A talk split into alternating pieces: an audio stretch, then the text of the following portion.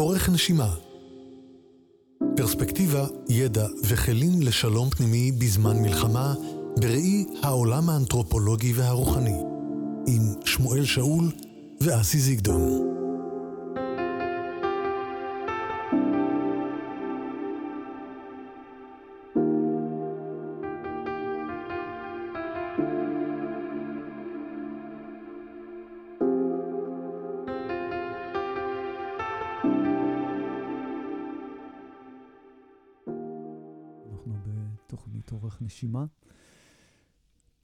שבהן אה, אסי זיגדון ואני, שמואל שאול, אה, מדברים על המצב, נותנים כלים אל המצב. והאורך נשימה שלנו היום אה, מתחיל בזה שאסי לא יכל להגיע, ואז יש לנו פה משתתפת חדשה שאנחנו רוצים להכניס אותה לפאנל ולצוות שלנו. קוראים לה איריס הוד. שלום איריס. שלום שמואל. איזה כיף שאת איתי, ממש. גם כיף שאת איתי וגם כיף שתוכלי להביא מחוכמתך ומעורך, וגם תמיד ב... אני, אני חייב להודות שבתוך התוכניות האלה יש לנו משאלה להביא קול נקבי לתוך האולפנים, שלפעמים אנחנו מדברים על הנקביות, אבל קטונו, אז איזה כיף שאת פה, ויכולה להביא גם את הקול הזה. ורצינו להתחיל לדבר היום על, כי אנחנו כל הזמן דואגים איך אנחנו שומרים על הנפש שלנו, על האור שלנו בימים כאלה, כי מציאות שלא קל לעכל אותה. ועודף גירויים אה, לא מטיבים לאורך זמן, הם אה, מקשים על הנפש. מתישהו אנחנו נהפכים להיות קצת אולי פחות רגישים, יותר סגורים, לא מכילים, או פשוט שהרוח שלנו נופלת. אבל רצינו לדבר קצת אם יש כזה דבר גם ברמה לאומית, זאת אומרת, אם יש נפש לאומית. כי יצא לי לכתוב איזה פוסט באינטרנט, אנחנו מקליטים את התוכנית הזאת ביום המאה ואחד למלחמה, וכתבתי איזה פוסט קטן אתמול באינטרנט, בפייסבוק, שבו כתבתי ש... זה לא מובן מאליו שעם שלם מייחל חזרה של חטופים הביתה. ושאנחנו עסוקים בזה יום-יום, והרבה פעמים ביום, ואנשים מתגייסים ויוצאים לרחובות. וזה לא מובן מאליו. ניסיתי לעצום עיניים ולדמיין בבית על איזה עוד עם שהיה עושה את זה, שנגיד היו חוטפים לו אנשים והוא היה עסוק אפילו באובססיה על השחרור שלהם. וגם כתבתי שזה מבחינת אויבינו, והם יודעים את זה בחוכמתם, זה נקודת החולשה שלנו. הרי לכל בן אדם יש את ה-weak point, אז ה-weak point שלנו זה חיי אנשינו, ולצערנו הרב משחקים לנו בנקודה הרגישה הזאת היטב היטב, אבל מבחינתנו זה גם נקודת העוצמה שלנו. זאת אומרת, אה, כל... זה משהו שצריך להבין את זה, שבעוצמה פנימית, בתנאים מסוימים היא עוצמה, ו- ו- ובתנאים אחרים היא יכולה להיות חולשה. אני יכול להגיד להעיד על עצמי. אה, אני מהמתמידים, יש לי איכות הדמדה מטורפת, שבנקודה מסוימת היא נהפכת להיות לעקשנות חריפה ו- ולקשות עורף. כאילו, אז זה בעצם אותה איכות, רק כשהיא מתבטאת בתנאים שונים, היא לוקחת את הנופך החיובי שלה ונהפכת להיות, אה, או אני, עוד דבר שאני יכול להגיד על עצמי, נגיד, אה, יש לי יכולת להיות בסדר בתנאים לא טובים. כן. אז זה איכות נפלאה, רק זה מקשה לנשמה שלי להגיד לי, יקרי, זה לא בסדר, אתה לא רואה, תשתנה, כאילו, אני מכיל את הלא בסדר הזה, ו... ואז האיכות הטובה הזאת נהפכת להיות, אני קורא לזה נקודת חולשה. אז בואו נדבר קצת על הנפש הלאומית הזאת של, של יושבי ארץ ישראל. בואו נגיד, כרגע אנחנו מדברים יותר על החלק היהודי של ארץ ישראל, ברווחה ובהנחה שגם הערבים הם חלק מהאדמה הזו. יש משהו ייחודי שהוא לא מובן מאליו בדבר הזה. לגמרי, אני חושבת שאנחנו בורחנו, וגם אולי אפשר לומר כוללנו, ברמת ההזדהות הגבוהה שיש בינינו, וזה בדיוק מה שמייצר את הפערים האלה, ואם אני מנסה לחשוב מה הבריאה מנסה להראות לנו פה, לאן לוקחים אותנו, אז לי זה נראה כמו איזושהי אה, קריאה להתרחבות, להתרחבות שמסוגלת להחזיק את שני הקצוות של היכולות שלנו, אה, גם כשהן תורמות ל... ל נאמר, ל, לעוצמה שלנו המשותפת, וגם כשהן אה, מחלישות אותנו. והיכולת התרחבות הזאת היא בעצם, היא זאת שאולי תאפשר לנו לצלוח את המסע הזה שאנחנו בעיצומו. את יודעת, אני, אני רוצה להעלות איזו סוגיה, שנסתכל כרגע ב... על זוגיות. הרי אין זוגיות שאין בה מחלוקות. ואם אנחנו מסתכלים על, על, על, על העם שיושב פה, אנחנו בורחנו במחלוקות, מעולם לא היינו במחלוקת כל כך גדולה מלפני השביעי באוקטובר. ואני תמיד אומר שהאהבה זה הטריק הכי גאוני שהבריאה בראה. זאת אומרת, אם אני אוהב אדם מסוים ואני רוצה להיות איתו, אז אני מוכן לסבול את המחלוקות שיש בינינו, ואני מוכן לסבול את זה שהוא חושב אחרת ממני. ולא רק זה שאני מוכן לסבול את זה, אני לפעמים מוכן גם להשתנות בשביל שהדבר הזה ימשיך ויתקיים. כי בעצם אם אתה לא אוהב אדם, אז למה שתשתנה בשביל שהדבר הזה של הביחד הזה ישתנה? ואני אומר שזה הטריק של הבריאה, שכשבאים אליי זוגות והם רוצים לפתור מחלוקות, אני אומר, בלי אהבה אפשר לעשות את הדרך, כי האהבה היא זאת שמחזיקה אותנו. והעניין הזו, אני כאילו מסתכל נגיד אפילו על המצב שלנו, על המצב החברתי, על, הנפ... על הנפש הלאומית שלנו. אז הביחד הראשוני האינסטינקטיבי הוא היה מאוד מוצק, ושכחנו לגמרי את כל המחלוקות. נכון. ולאט לאט האני האישי כזה חוזר ומגיח לו ומבצבץ בו, ואני חושב ככה והוא חושב ככה, ואנחנו מתחילים לשכוח את הביחד. כשהאופי האישי או האג'נדה האישית או המחשבה האישית תופסת קצת יותר נפח. איך אנחנו יכולים בעצם לשמור על הדבר הזה? כי הרי זה קשה מאוד לאורך זמן לשים את היחד לפני האישי ו- ולזכור ש- שזה העיקר ושזה העיקר ושזה העיקר ושזה העיקר. קודם כל, לי נראה שזה האישי, אבל זה גם השבטי. אנחנו כאילו חזרנו אה, לשבטיות, והשבטיות הביאה איתה, אפשר לקרוא לזה פחות אהבה, ואולי גם אה, נתנה לה שנאה שוב לבצבץ. מה שבאמת נדם לגמרי בשביעי באוקטובר, חזר קצת מתוך המקום השבטי יותר. ומתוך uh, באמת הצורך להתמודד עם רגשות מאוד קיצוניים. וכמו שהשנאה הזאת שנוצרה בינינו, וזה לא קשור לאיזה מחנה אנחנו משתייכים, היא זו שבעצם הביאה עלינו את הדבר הזה. Uh, הקריאה שלנו היא כמובן לתת לאהבה הזאת uh, להתעצם בנו, ובאמת התחילו שוב לבצבץ דרך השבטיות אה, קולות של שנאה. ואני חושבת ש, שפה באמת אנחנו, עלינו לדבוק באהבה, ולא להזדקק כל הזמן שיזכירו לנו מבחוץ שהשבט שלנו כולו הוא השבט שחי כאן, ו... והאהבה צריכה להיות כן, כאן. כן, אבל אני חושב, את יודעת, גם אני אומר את זה ברמה... אני לוקח בן אדם אפילו. הרי בן אדם יש לו חלקים שונים בתוכו. וגם הבן אדם צריך לזכור שהאחדות הפנימית שלו היא מעבר לכל, אחרת הוא, אם יהיה נכון. פירוד, אז הוא יהיה חולה. מה זה חולה? חולה זה מופרד, כאילו. האיכות של החול זה שהוא גרגירים, הוא מופרד. אז בן אדם שהחלקים שלו מופרדים, אז הוא מתישהו תופס מחלה. ועדיין, מניסיון של הנחיה ו- ועבודה עם אנשים, אני יודע שכשבן אדם לוקח החלטה, והוא שם אותה נגיד לפניו, והוא רוצה להגשים אותה, אם הוא לא שומר על האחדות הפנימית סביב ההחלטה הזו, מתישהו מגיע ספק.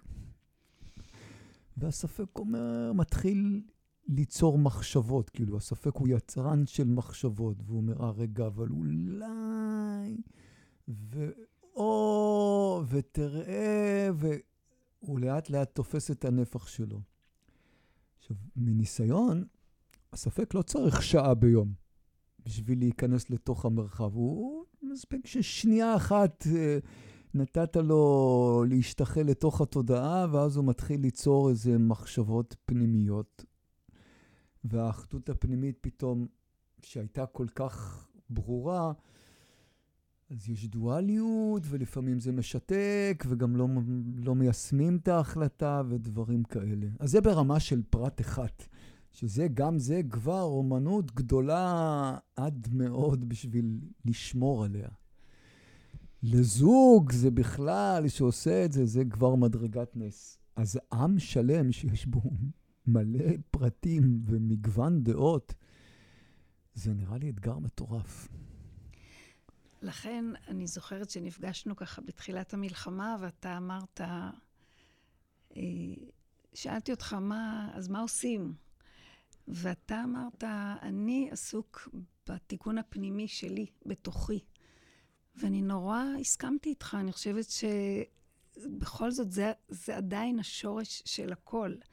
ויותר מזה, יש לנו אה, פרטנר שלישי בפיצול הפנימי הזה, וזה בעצם הגורם שמאחד אותנו, את כולנו, וזה בעצם, אפשר לקרוא לזה אלוהים, אפשר לקרוא לזה החלק הגבוה יותר שלנו, שהוא בדיוק החלק שקיים בכל בני האדם. ולכן העבודה המרכזית תמיד הייתה ותהיה העבודה הפנימית של בעצם לחבר את נקרא לזה שני חלקים, יכול להיות שהפיצול הפנימי לפעמים כולל אפילו יותר משניים, והגורם המשמעותי והדומיננטי, לפחות כך כדאי שיהיה, שזה הבורא. את יודעת, כאילו, יש משהו יפה במה שאת אומרת, כי היהודים, כשמדברים על חורבת בית המקדש, שואלים למה נחרב בית המקדש. אז אומרים על שנאת חינם. זאת אומרת, לא הרומאים או, או הבבלים או סנחריב, לא, אנחנו נפלנו על שנאת חינם. ואני אוהב את זה כי יש פה איזה סוג מסוים של קבלת אחריות. דרך אגב, כל חיי השתמשתי במונח לקחת אחריות. והעורכת של הספר השני שלי תיקנה אותי, אמרה, זה לא נכון, בעברית אתה מקבל אחריות ולא לוקח אחריות, היינו ערך. אז לקבל אחריות ברמה קבוצתית, שהצרות שלנו בעצם הן לא תלויות גורמים חיצוניים, אלא תלויות גורמים פנימיים. ואני רוצה לספר על איזה תרגיל שאני עושה, והוא לא תמיד מוצלח. אני מדי פעם מקפיד לשמוע אנשים שחושבים הכי אחרת ממני. ושאין תא בגוף שלי שלא בטוח במאה אחוז שהם טועים. כן. ואז אני מרוקן את התודעה שלי, ואני מנסה להיות האדם האחר הזה שחושב אחרת לגמרי ממני, וכמובן טועה, ואני מנסה להגיע בתודעה שלי לאיך הוא הגיע לאג'נדה או לאידיאל או למחשבה או לרצון שהם הפוכים לגמרי ממני. וכשאני עושה את זה, אני משתדל שלא יעלה לי כעס ולא ביקורתיות ולא שיפוטיות, אלא אני בעצם רוצה לרגע אחד להיות הוא, ולנסות לראות את העולם דרך העדשות שהוא רואה אותן, שהן עדשות אחרות משלי לגמרי. וזה תרגיל מדהים. אני חייב להודות שברמה שאני תרגלתי אותו עוד לא השתכנעתי. בשביל שנהיה, את יודעת, גילוי נאות מול אה, מי שמקשיב לנו. אבל זה כן עזר לי להתקרב, או ליצור על איזה נקודת מגע. כבר לא הרגשתי שאני רחוק ממנו, אלא שאני יכול לשבת איתו על השולחן ויש לנו אפשרות לראות אחד את השני, לראות זה את זה. כי לגמרי אני מרגיש שכרגע במדרגת הנפש הלאומית, מצד אחד, ואני אומר פה משהו שהוא מבחינתי מאוד משמעותי, מצד אחד הביחד הזה חייב להישאר ולא לחזור לאחר, ומצד אחר הביחד הזה לא יכול להיות תירוץ לא לעשות עבודה פנימית וקבלת אחריות על השינויים שאנחנו צריכים לעשות. אחרת... לגמרי. אחרת מה עשינו? לגמרי. אז זה כזה, זה, זה ריקוד כזה שהוא כל כך עדין, שאני מרגיש שמאוד קל ליפול בו לאחור, ועוד פעם, כאילו, הוא, זה, זה הוא, כן. זה הכל בי בי. איך, איך, איך. כפל משמעות. איך, איך, איך. כן. אה, אני, אני גם תרגלתי את זה במיוחד בתקופת, ה, מה שנקרא תקופת המחאה, אה, ולפעמים מצאתי את עצמי גם בסיטואציות לא פשוטות. ואני חושבת שאולי מה שזה לימד אותי, שזה זה את ההבדל בין הזדהות ובין הבנה. כלומר, אפשר להבין ולא להזדהות. וברגע שאתה מפעיל את היכולת הבנה הזאת, כבר אה, יש אפשרות להתרחב קצת ולהכיל עוד דברים. ואני יודעת שהיו מצבים ש, שהיו בלתי נסבלים מבחינתי, אבל להבין הצלחתי. להבין בדרך כלל הצלחתי. אני לא חייבת לאהוב, אני לא חייבת להזדהות, אבל ההבנה כן מתאפשרת. ועדיין איך שומרים על הרצף? אה, אני חוזר עוד פעם על עולם הנפש. כי בעולם הנפש יש פחדים, נגיד. אז גם הפחד, כמו הספק, הוא לא, הוא לא צריך 24 hours, הוא לא צריך 24 שעות. בשביל לחלל פימה הוא צריך רגע אחד של מחשבה. אני זוכר, היה פעם רצתי להתאמן למרתון, ורצתי באיזה שביל, ופתאום עלה לי ספק שהגוף שלי מוכן לריצה הזאתי, והרגשתי לא טוב עם המחשבה הזאתי. ושנייה אחרי זה נפלתי, ופתחתי את הברך. ואני זוכר שפתחתי את הברך רק בגלל המחשבה הזאת. זה לא שלא הייתי זהיר פתאום. פתאום הגוף איבד את הכוח שלו לאיזה רגע אחד, ואופס. אז אני אומר את זה כי זה מצריך איזה סוג מסוים של החזקה.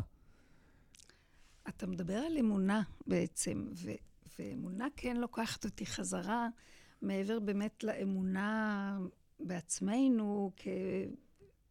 ל- אמונה היא, היא שוב לוקחת אותי למכנה המשותף שיש באמת, שמחבר בין כולנו כבני אדם, וזה האלמנט האלוהי. כי באמת, אם כל אדם יחוש את, ה, את האלמנט הזה בתוכו כל הזמן, לא יהיו בעיות, לא יהיו חילוקי דעות. החיבורים בינינו יהיו כל כך ברורים. הבריאה היא מגוונת, הבריאה היא שונה ומלאת uh, אפשרויות. אבל אני חושב שמה שאת אומרת עכשיו, אם זה היה קורה, לא היו מלחמות בעולם. יש מצב. כי הרי אין הבדל בין דת, גזע, מין וגיל. כולנו בני אדם.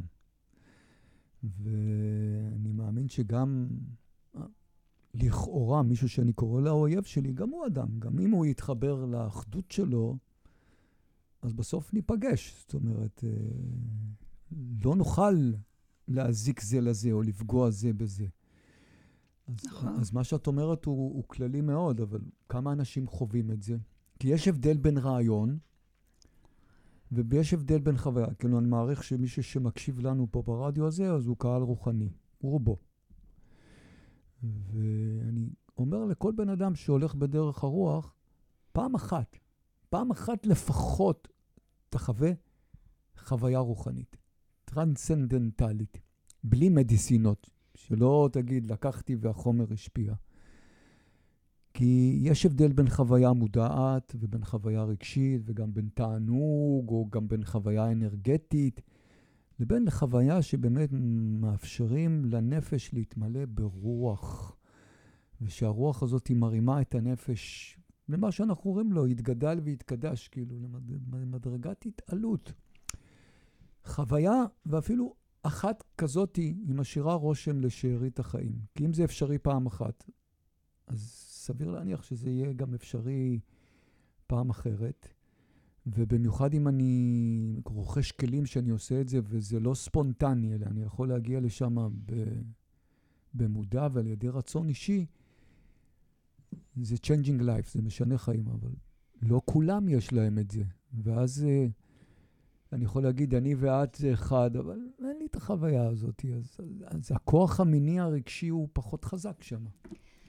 אז אני חושבת שזאת אחת הסיבות שאנחנו אה, פוגשים את הסיטואציה עכשיו, שאתה יודע, אתה מסתכל ימינה, שמאלה, אחורה, לפנים, הכל נראה, הכל נראה ש, שאין על מי להישען, שאין אה, אין איזה דרך ברורה, וזה בדרך כלל מצבים שכן אה, עוזרים לנו להפנות את המבט למעלה.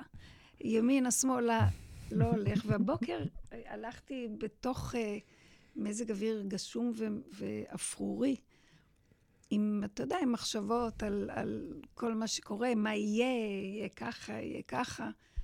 ואז פתאום השמיים נפתחו ויצאה השמש, ואמרתי לעצמי, הדרך בעצם ל- לחוות את המציאות עכשיו ו- ולהצליח אה, להישאר אה, באמת אה, אסופים, היא להסתכל לשם, להסתכל מעלה, במובן הזה ש, ששם יש יכולת להסתכל מזווית חדשה על המציאות. אז ממש הבוקר ככה אמרתי, הנה, השמיים הכחולים האלה זה, זה נקודת מבט אחרת. ומנקודת מבט יותר גבוהה... מה פתאום, את רואה מנקודת המבט הזאת? אני רואה קודם כל ש, ששום דבר הוא לא אקראי. שיש תכלית לדרך הזאת, ושלאט לאט הבהירות תגיע. הבהירות תגיע ואנחנו, כל מה שאנחנו צריכים כרגע, באמת במצב של חוסר ודאות ועצב וכאב וכעס וגעגוע, זה, זה להחזיק חזק, לנסות להתעלות מעל הסערה ו, ולדעת, לדעת זה אולי רמה מאוד uh, גבוהה של, של אמונה, לדעת שיש שמיים כחולים בהמשך הדרך. ואולי יש לנו אחיזה בשמיים כחולים? או אמרת ודאות. אני עובד בעולם השמאני, בעולם השמאני, אחת החניכות זה להסכים להיות באי-ודאות מתמדת. השמיים מורכב, השמיים הם לא מוצקים, השמיים הם אוויר, הם, הם הכי לא אה, ודאיים, אבל דווקא בגלל זה הם מאפשרים אה, אה, להסתכל אחרת על דברים. זה לא אומר שמציעים לנו תשובות קונקרטיות. אני רוצה לחלוק איתך איזו מחשבה שהייתה לי בימים האחרונים, והיא לא מחשבה נעימה, אבל אני עדיין רוצה לחלוק אותה. אה, אני דור שני לשואה, ואבא שלי עבר אה, את השואה באירופה, אה, כולל זה שהוא ספג אבדות. כמובן הוא ניצל, אחרת לא, לא היה אבא שלי, אבל רוב משפחתו הלכה בשואה. ופתאום תהיתי כאילו איך בעצם העולם מתגלגל לו למלחמת עולם. והרגשתי שיכול להיות שגם uh, אני אכנס לתוך אחת כזאת בקרוב, שהתחיל פה איזה מאבק בין רוסיה לאוקראינה, ועכשיו פה יש בעזה, ועכשיו התימנים עושים ב, באזור שלהם בלאגנים, והאנגלים נכנסו, ופתאום האמריקאים נכנסו, וצפון קוריאה מאיימת על דרום קוריאה, וזה, פתאום הרגשתי ש... אם לא נהיה מספיק זהירים, אז הדברים יכולים להשיג אותנו, ואפילו ברמה כזאת שאני נותן לך אגרוף, ואתה לי, שנייה נתת לי אגרוף יותר חזק. אז אני אומר, מה, אם נתת לי אגרוף יותר חזק, אז אני אתן לך גם אגרוף קצת יותר חזק. ואמרתי לעצמי, שמואל, יכול להיות שאתה תחווה גם משהו שיקרא מלחמת עולם, אף אחד פה לא ודאי שהדברים לא יגיעו לסחרור כזה. כי אני מרגיש את ה... ודווקא אני אוהב את זה, את הנקודה הזאתי, שהכל בתוך שנייה יכול לצאת משליטה. ולמה אני אוהב את זה? כי אני מבין את העוצמה של הבחירה ברגעים כאלה. כן. ושהעוצמה של הבחירה היא צריכה לבוא הרבה מעבר לאגו. כי ככל, ככל שהאגו, או דיברנו על נפש לאומי, או אגו לאומי, יתערבב, כאילו... אה, אז, אז, אז זה יכול להגיע לאיזה מקום שהוא... קטונתי, אני מקווה שלא נגיע אליו, אבל עברה לי את המחשבה הזאת. ואני אומר את זה כי אני כן מרגיש שבשביל לשמור, נגיד, נחזור להתחלה, על הנפש ה... הלאומית שלנו, זה דורש איזו החזקה כזאת, שככל שהאגו יתערב בפנים, אז גם פה הדברים יכולים להסתחרר, ו... ו... זה כמו, את יודעת, אבן שאתה זורק. במים והיא עושה אדוות, אתה עושה את זה על אגם, אתה רואה את זה, כמה זה רחוק יכול להגיע. חל... חלק מהקושי באי-ודאות זה שאנחנו גם לא יודעים מה תלוי בנו ומה לא תלוי בנו, לפחות ברמה החומרית, ברמה הכי ארצית. אנחנו באמת אה, בחוסר שליטה כרגע יותר גדול ממה שאנחנו רגילים, או פחות אשליה של שליטה ממה שאנחנו רגילים להחזיק. אבל אני שוב, אה, אה, אני יכולה להגיד עליי, שכשאני מרגישה שאני, וגם אני דור שני, אז כשאני מרגישה את, ה, את המקום הזה ש... שמושך אותי למטה, הדרך שלי היא באמת אה, לעלות עוד קומה ולהגיד, אני לא יודעת הכל, מה שבשליטתי זה באיזה מרחב אני בוחרת להיות כרגע, או איזה מרחב אני בוחרת להניח בתוכי, וזהו. ו... יש משהו בהתמסרות הזאת ללא נודע ש... שמרגיע אותי. אז אני במקום הזה, קצת אני חוזר למה שאמרת קודם, ולשיחה שהייתה שיחה אישית של שנינו פעם, זה שאני מיד הבנתי ואני עדיין מבין, ואני שם, שיש לי רצון עז שהמציאות החיצונית תשתנה. ממש. אה, אני משתמש במונח הזה, היקה. Mm-hmm. שאני מאוד אוהב אותו, שאני אומר, אם uh, יבוא חייזר לכדור הארץ ויסתכל על ה-human beings, הוא יגיד להם, אייכה, מה, מה נהיה איתכם, כאילו? יש לכם מדבריות, ערים גבוהים, אגמים, ג'ונגלים, בעלי חיים, יופי אינסופי, מרחב אינסופי, משאבים, חוכמה גלומה לפתח משאבים וליצור טכנולוגיות. במה אתם משקיעים את האנרגיה שלכם? בלהרוג אחד את השני, כאילו, זה, זה, זה... אני אומר את זה ברמת תום מוחלטת, כאילו, זה... אני זוכר בבן הראשון שלי, שואל אותי בגיל חמש, למה יש מלחמות? אמרתי, וואו, איך אתה מסביר לילד בן חמש למה יש מלחמות? כאילו, מה, מה אתה אומר לו? ואני כן. אומר את זה כי יש לי את המשאלה שנחזור לתמימות הזאתי, ו... אני, אני חושב, כאילו, מההגזמה שלי לאימא האדמה, זה שהיא אמרה שהבסיס שבן אדם צריך לפתח בליבו, זה שיש מספיק שפע לכולם. Mm-hmm. יש מספיק לכולם. לא צריך להילחם על מקורות השפע. עכשיו, אם יש לי אמונה עמוקה שיש להספיק לכולם, אני לא אוגר. כי אם אני חושב שאין מספיק לכולם, אז אני אאגור.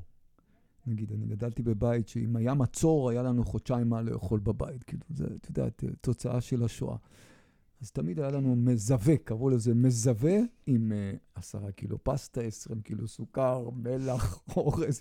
באמת, אם היה מצור, אנחנו יכולנו להישאר בבית בכיף. אז היום השתנה, לפחות אצלי, אני לא, אני לא ערוך למצור. אבל אם באמת נגיד יש מספיק לכולם, אז אני לא רב איתך, אלא אני חולק איתך. אה, אני מקווה שלשם אנחנו הולכים.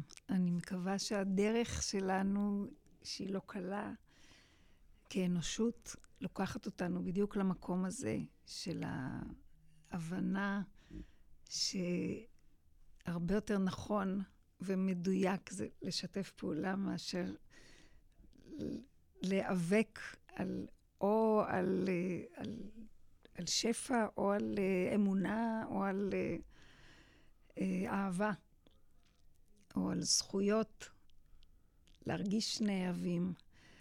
אה, ברגע שאנחנו נעשה את ה-U-turn הזה לכיוון של יאללה, בואו בוא ביחד, הכל ישתנה. הכל ישתנה. כמובן שזו דרך וזה תהליך, אבל אני מאוד מאמינה שלשם אנחנו הולכים. אבל את יודעת, כזה... זה משהו שאני מסתכל עליו הרבה, כי החוויה הזאת, כשהתחילה המלחמה, הלכתי לכנסיית הקבר. זו נקודה אנרגטית, כן. אולי הכי חשובה בארץ ישראל, ביחד עם הר הבית. שתיהן אה, בירושלים, שני, שתי הנקודות האלה. ובאמת, זו החוויה שלי הייתה, כשנכנסתי לכנסיית הקבר, אז ממעמד אמר, תאמינו שיש מספיק שפע לכולם, שלא צריך להילחם על מקורות השפע. והרגשתי אבל, נגיד, שאם עשרה אנשים עכשיו יבנו יסודות וירימו בית, מספיק אחד מתוך העשרה שישבור את היסודות בשביל שהתשעה האחרים יספגו אותו. זה משהו שהוא צריך להיות כוללני, הוא לא יכול להיות מיעוט שיחזיק את המרובה, והוא גם לא יכול להיות רוב שיחזיק מיעוט, אלא זה משהו שהוא צריך לח... לחדור, לח... לחלחל לכולנו בתוך הלבבות שלנו. ואני אומר את זה כי איכשהו אני רוצה לחזור עוד פעם להתחלה שלנו, כאילו, זה כל הזמן להזכיר לעצמנו עכשיו, שאל לנו ללכת עוד פעם למחלוקות, או לא, נלך למחלוקות. חייבים ללכת למחלוקות, אבל שהבסיס יהיה שאנחנו קודם כל ביחד, ואנחנו לא האויבים של אחד של השני. יש הבדל בין מחלוקת אם אני עושה איתה חברותה, וזה כל העולם היהודי, אוהב מחלוקות, ובין אם את מאיימת על קיומי, כאילו, אם המחלוקת זה שאו את או אני, ואני מרגיש מאוים מקיומך, אז כל הרובד הרגשי שלי הוא אחר לגמרי. ממש. פשוט נכיל את המחלוקות, נכיל אותם, נהיה מסוגלים, גם בתוכנו וגם כ- כקבוצה, להכיל, אה, להרח... להכיל כתבים מרוחקים יותר. זה בעצם אולי המשמעות של הרחבת תודעה. כשמדברים על הרחבת תודעה, בעצם מדברים על היכולת להכיל יותר, להכיל יותר דברים שלפחות ברמה הארצית, אה, אנחנו מתקשים ב- ביום-יום, וככל שאנחנו מצליחים להרחיב, התודעה שלנו מתרחבת, ו... כל תפיסת העולם שלנו משתנה. אז אני הולך איתך, כאילו, ואני גם רוצה להגיד על זה אחרי זה משהו, ואני אתן לך קודם כל זכות הדיבור, כי אני רוצה לשמוע מה את אומרת על זה. אוקיי, בוא נכיל את הקצוות. אבל קראתי פעם, אתה יודע, רומן גרי, היו לו כל מיני, רומן גרי, השם של אמיל אג'אר, הסופר, רומן גרי זה השם המקור כן. שלו, הוא כתב באחד הספרים שלו, כאמיל אג'אר, זוגיות זה עניין לשניים. זאת אומרת, אתה לא יכול להיות בזוגיות אם הצד השני לא רוצה. ו... בהחלט. אז נגיד אני רוצה להכיל את הקצוות, אבל הפרטנר שלי לא רוצה להכיל. מה אני עושה? אה, א', אה, יכול להיות שהוא לא מתאים לך. אבל אין לי פה ברירה, אין לנו פה בחירה. תמיד יש בחירה, מה זאת אומרת? לא, ברמה הכי פרקטית, כאילו, אני מרגיש שאנחנו קבוצה, נקרא לנו יהודים, ישראלים, או ישראלים יהודים או יהודים שחיים בארץ ישראל, לא משנה ההגדרה כרגע, מאיזה כיוון. אני לא יכול להגיד למישהו, אתה לא חלק מהקבוצה שלי. הבנתי, אוקיי, אתה הולך ל, ל, לקולקטיב. לפרקטיקה אני הולך. אני... תראה, אני מאמינה שמעט אור יכול להאיר הרבה חושך. ובאמת אני חושבת שברגע שהאור מתעצם, כלומר, לצורך הדוגמה הזאת, יותר ויותר אנשים יוכלו להכיל, אה, זה בכלל לא משנה מאיזה קוטב הם, הם אה, רואים את המציאות. ככל שה... יש יותר, שהמרכז המשותף מתחזק, זה מיד מקרב את שני הכתבים. זה לא אה, שיש צד אחד, זה אף פעם לא ככה. זה לא שיש צד אחד שהוא נורא מכיל וצד שני הוא נורא קיצוני. זה, זה גם לא היה כאן המצב. המצב היה שהייתה קיצוניות בשני הצדדים, שהייתה במידה די זהה. אז ככל שהמרכז מתחזק, ככה באמת מתאפשרת ההתרחבות. אז אני רוצה להוסיף עוד איזה משהו לעניין הזה. אני אתן איזה דוגמה לגוף שלי. גוף פיזי. Uh, הייתה לי איזה פציעה בשריר התאומים של רגל שמאל שהטרידה אותי בריצות. לא יכולתי, לא הייתי צריך לשבות, אבל זה בהחלט היה מפריע. ואז יצא שנסעתי עם בתי לקירגיסטן לחודש, ועשינו טרקים, והכאב עזב. כאילו, ואמרתי, איזה יופי. כאילו, ידעתי שאם אני אנוח חודש, אז זה יעבור. ואז חזרתי לרוץ, והכאב חזר. אז אמרתי, אוקיי, האסטרטגיה פה לא הייתה נכונה. זאת אומרת, משהו לא עובד. ואז במקום לקחת עוד מנוחה, תוך כדי ריצה, עשיתי את התרגיל הבא. אמרתי, יש פה איזו נקודה שהיא מעיבה על היכולת הכללית של כל הגוף. כל הגוף בריא, mm-hmm. או נגיד כל הגוף חזק, אבל הנקודה הזאת היא שוברת את, ה... את המכלול הזה. אז במקום שהנקודה תפריע לכל הגוף, בואו נעשה הפוך, שכל הגוף יכיל את הנקודה. אז במקום להתרכז בנקודה, התרכזתי בכל הגוף, ואמרתי לו, תשמע, יש פה איזו נקודה, היא בעייתית, יש לה איזה צורך מסוים, כואב לה, בואו נתייחס לזה ונכיל אותו, נחזיק אותו. עשיתי את זה תוך כדי ריצה, ותוך כדי ריצה הרגשתי איך שפתאום כל הגוף שלי חזק, ושוב, הנקודה עדיין כואבת, אבל הכאב התעמם, כי כמו... הוא היה מוכל לכאב הזה. מדהים, כי זה בדיוק, זה בדיוק התנועה שהיא תנועה הופכית לניסיון לשלוט. כי מה קורה בכיתוב? כל צד רוצה בעצם להכיל את העמדות שלו על הצד השני. ו, ואתה מתאר בדיוק את התנועה ההופכית, שאין בה שליטה, יש בה רק הכלה ו, וראייה מערכתית. בעצם כל המערכת ספגה לתוכה. ו... לא רק ראייה מערכתית, אני לא סיפרתי עד הסוף. מה שהחלטתי לעשות אז, זה במקום לעבוד על הנקודה הזאת, להניח לה ולחזק את כל הגוף, שהגוף יהיה יותר ויותר חזק בשביל להכיל את הנקודה הזאת. ותוך שבוע, שבועיים, הכאב הזה חלף, עבר לו, והגוף כולו אבל התחזק למקום שהוא לא היה בו קודם. זה היה תהליך מדהים. ממש מדהים. אז אני אומר את זה אולי כתרבות נלמד, כי אני חושב שהרוב, הרוב הוא כן, הרוב, הלב שלו לביחד הוא, מאוד דומיננטי. והרוב הזה, אני חושב, צריך לחזק ולחזק, ואז להכיל נגיד כתבים שהם כואבים, או סוטים, או חושבים אחרת, או... וכמובן, החלק הכי קשה זה לא להיות ביקורתי. כן, בהחלט קשה. השופט הפנימי הזה, מממיה. כן, זה השופט, זה אותו שופט שמסתובב לנו בכל המרחבים. לפעמים אני מרגיש שאם השופט הפנימי שלי יצא לאור, הוא יעשה שמות. הוא אומר לו, שב בשקט. ישלחו אותו להאג. שב בשקט, אל תתרומם עכשיו. טוב, אנחנו קצת לקראת סיום, ומילה לסיום של כל אחד מאיתנו? תתחיל. אה, אז אני אגיד שני דברים לסיום. האחד,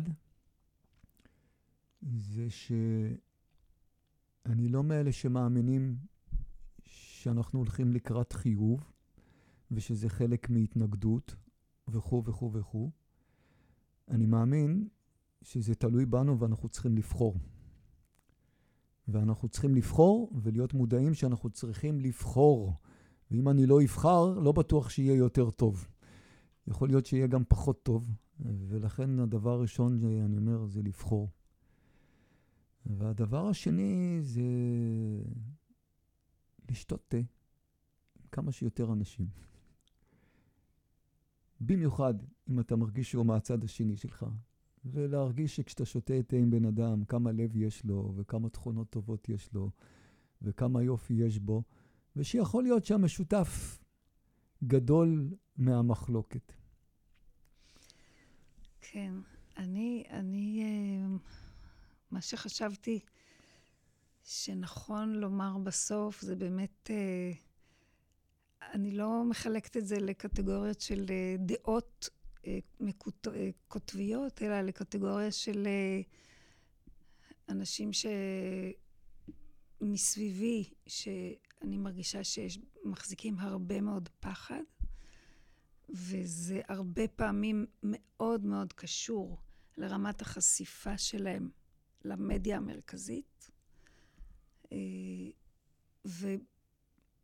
והקוטב השני, אה, אני לא יודעת אם כרגע יש, אפשר לדבר על זה במונחים של, של כתבים, אבל לנסות להתרחק כמה שיותר מכל מקום ומקור של פחד ושל uh, תודעה נמוכה, ולעשות כל מה שאפשר, כל מה שממש כיף לעשות, כל מה שמרומם, כל מה ש... כי בסופו של דבר, ההשפעה של כל אחד על השדה הכללי היא עצומה, וככל שהשדה פחות רווי בפחד, או נקרא לזה יותר רווי ב... בתקווה, ב... ב... אה, בנחת רוח, כמה שקשה לדבר על זה בימים האלה, כך אני חושבת, ההשפעה של זה על, עלינו ועל, ועל המשך הדרך שלנו אה, עצומה, וזאת בעצם הבחירה. זאת הבחירה שאנחנו נקראים לעשות. בכל רגע, במה אני בוחרת, איפה אני שמה את, ה, את האנרגיה שלי. אז אולי ניקח את מה שאת אומרת לעוד תוכנית שאנחנו רוצים לעשות ביחד, כי אני מרגיש שפחד זה משהו שאולי כדאי להעמיק בו יותר. מצוין. אז אה, איזה כיף שהתארחת איתי באולפן.